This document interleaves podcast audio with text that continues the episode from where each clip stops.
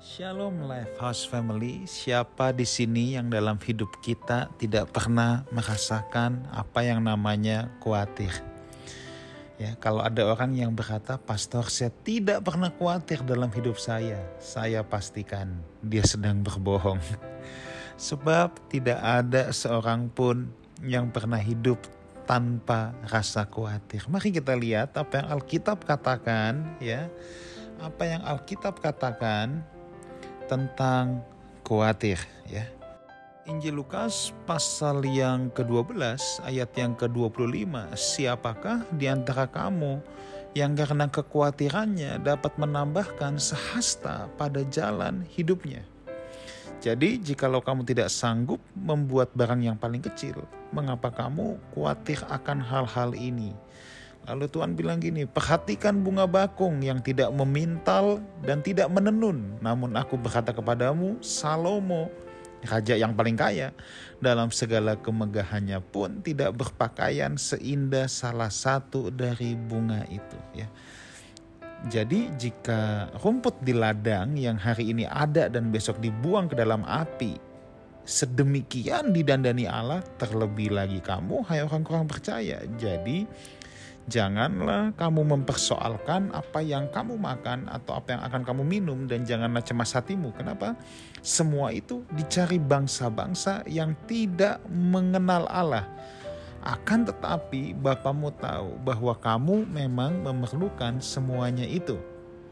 Saudara, tadi saya menyatakan di awal bahwa setiap manusia pasti pernah khawatir.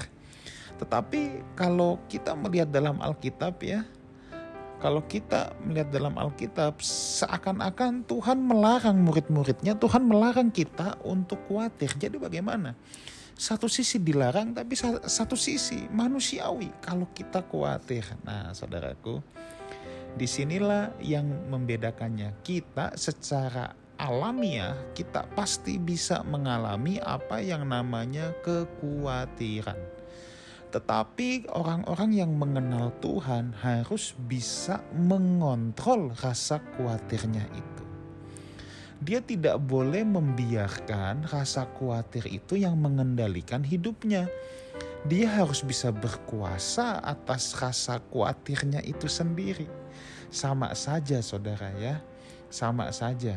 Ada yang bilang, misalnya kalau ada kerabat yang meninggal, gak boleh sedih nggak boleh sedih. Seakan-akan sedih itu hal yang salah. Oh tidak bisa saudaraku. Yang namanya manusia punya emosi, jiwanya pasti bisa merasa senang, bisa merasa sedih.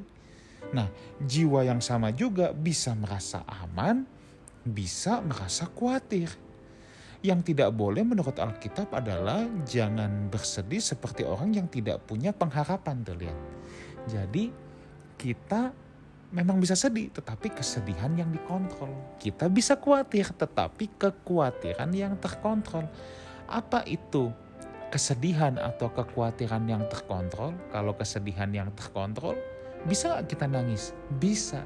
Tetapi kesedihan itu tidak menguasai hidup kita sampai berefek kita nggak mau ngapa-ngapain, kita jadi pemurung, dan kita tidak bisa melakukan apa-apa. Itu kita diposes oleh kesedihan itu. Sama, Orang yang diposes atau dikuasai oleh kekhawatiran, dia sampai nggak bisa ngapa-ngapain saudara. Sampai seperti lumpuh. Mau gerak apa pun takut, mau apa pun khawatir. Hidupnya kepalanya cuma isinya takut, khawatir, takut, khawatir. Itulah yang Alkitab katakan hal-hal seperti itu seperti bangsa-bangsa yang tidak mengenal Allah. Tetapi kalau kita mengenal Bapa, kita tahu saudara ya bahwa Bapak take control semuanya. Kalau bunga bakung Tuhan dandani. Bahkan juga ada ayat sehelai rambutmu pun tidak akan jatuh tanpa seizin Tuhan. Artinya apa? Bukannya Tuhan kepo urusin rambut rontok ya.